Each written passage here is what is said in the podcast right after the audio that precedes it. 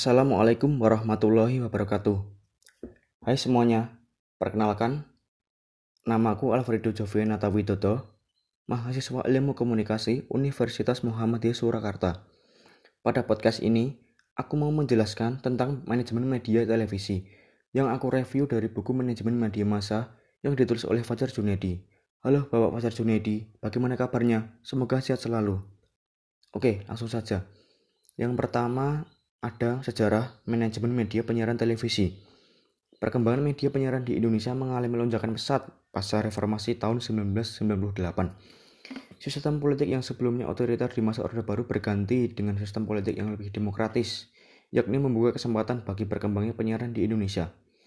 Undang-Undang Nomor 32 Tahun 2002 tentang penyiaran bisa dilihat sebagai tonggak perubahan kebijakan di langit penyiaran Indonesia.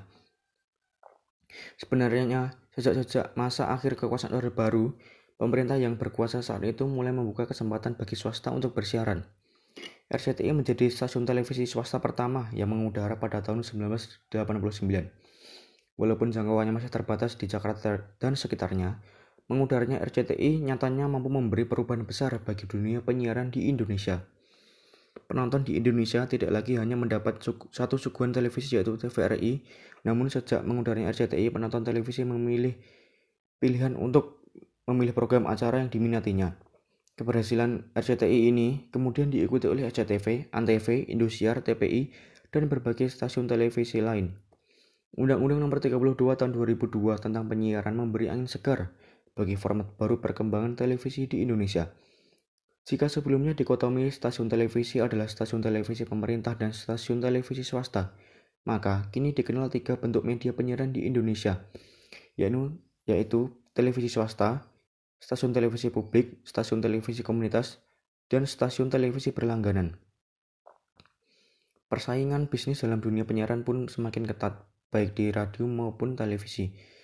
Stasiun televisi yang tidak mampu bersaing akhirnya gulung tikar dan diberi, dibeli oleh pemuda lain. Kasus TV sebagaimana yang disebutkan dalam bagian sebelumnya adalah salah satu contoh nyata kegagalan dari bisnis dalam media penyiaran yang memerlukan modal besar. Contoh di atas memperlihatkan bagaimana dalam memproduksi siaran film perlu adanya manajemen yang baik antar bagian.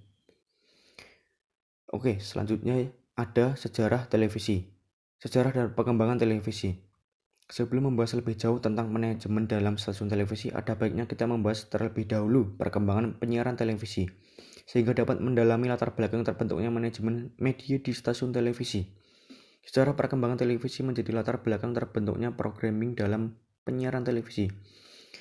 Jika ditelusuri dari sejarahnya, perkembangan teknologi televisi dapat dilacak mulai dari perkembangan pada tahun 1923. Pada saat itu, Vladimir Kazworkin seorang pegawai di Washington House mempertahankan tabung gambar berisi di dalamnya terdapat Econoscope. Empat tahun kemudian, bersamaan dengan NBC, mengorganisir siaran radio jaringannya, Pillow Password, mengembangkan sistem dan mempatenkan tabung sektor atau sektor tube. Di saat orang-orang lain bereksperimen dengan cara bagaimana menyiarkan gambar, dua orang peneliti independen ini memberikan sumbangsih besar dalam kelahiran seluruh transmisi televisi.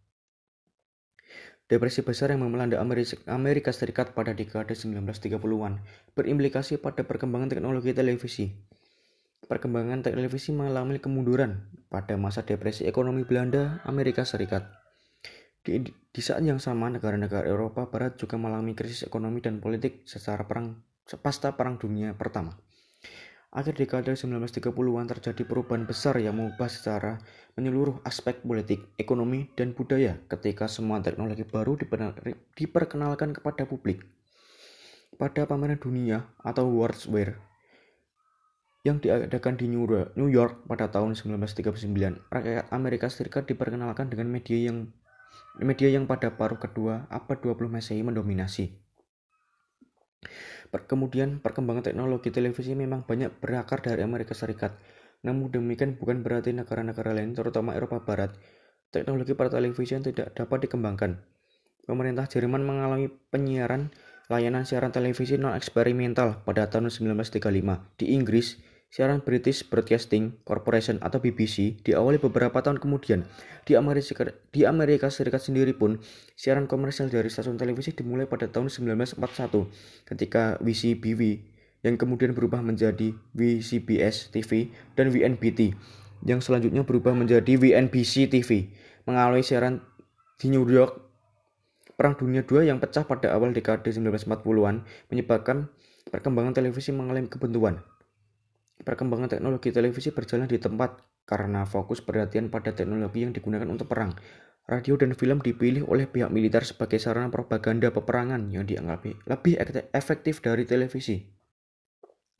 Kemudian pada tahun 1965, 94% rumah tangga di Amerika Serikat memiliki pesawat televisi. Dan pada tahun 1990, 98 persen rumah tangga di Amerika mempunyai pesawat televisi yang separuh di antaranya memiliki lebih dari satu pesawat televisi. Jika membandingkan perkembangan televisi di Amerika Serikat pada dekade tersebut tentu tidak bisa dibandingkan dengan di Indonesia. Di Indonesia sendiri, dalam posisi yang sebagai negara berkembang, baru memiliki stasiun televisi pada dekade 1960-an. Ketika TVRI berdiri dan mengudara pada tanggal 17 Agustus 1962. Pendirian TVRI pada awalnya digunakan untuk tujuan menyukseskan penyelenggaraan Asian Games yang keempat yang berlangsung di Jakarta pada tahun 1962.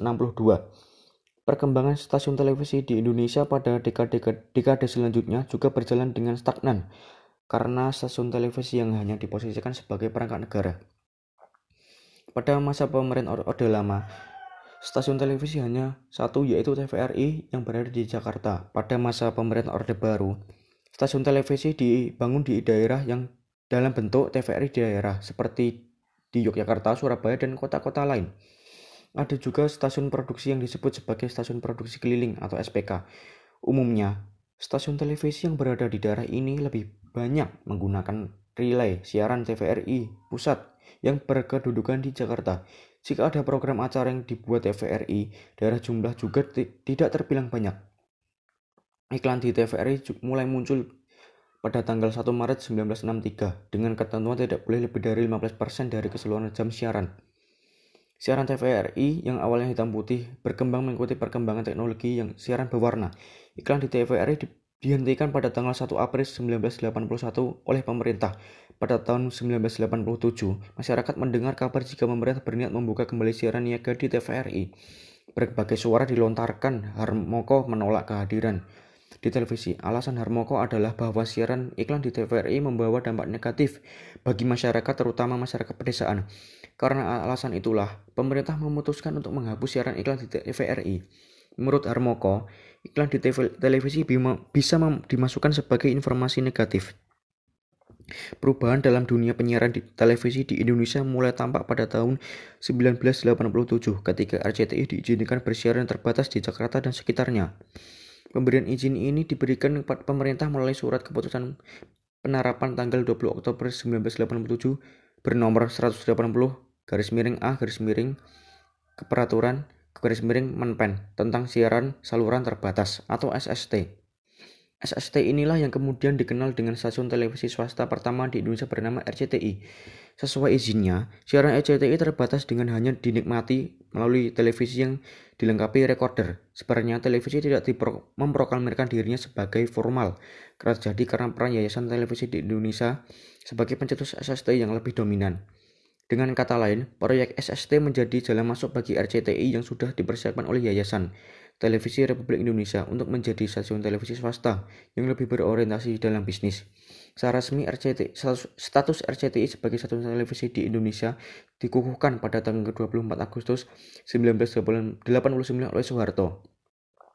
RCTI mendapat sambutan hangat dari publik yang menginginkan alternatif baru dalam menonton televisi. Namun, jumlah masyarakat yang dapat mengakses siaran RCTI tidak meningkat dengan signifikan. Kontradiksi antara animo dan jumlah pelanggan decoder ini bisa dimaklumi karena ketidakmampuan secara ekonomis.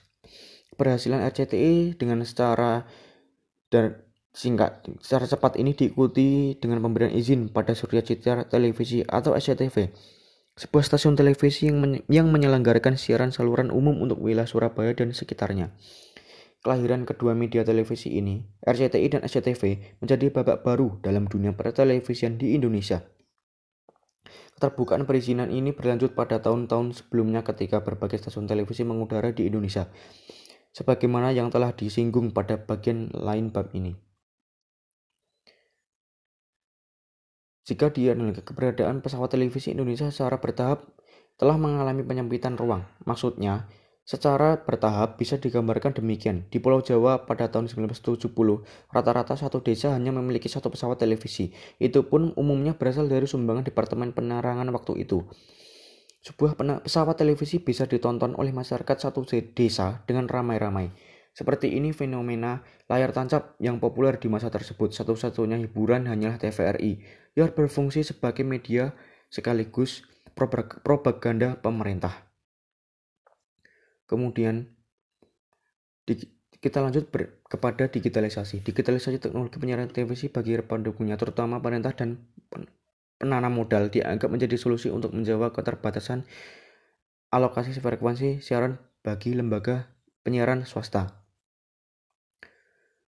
Dengan diselenggarakannya siaran digital yang bisa membuat enam kali lebih banyak program siaran dalam satu kanal, diharapkan persoalan keterbatasan kanal dapat teratasi. Kemudian ada struktur dan posisi dalam manajemen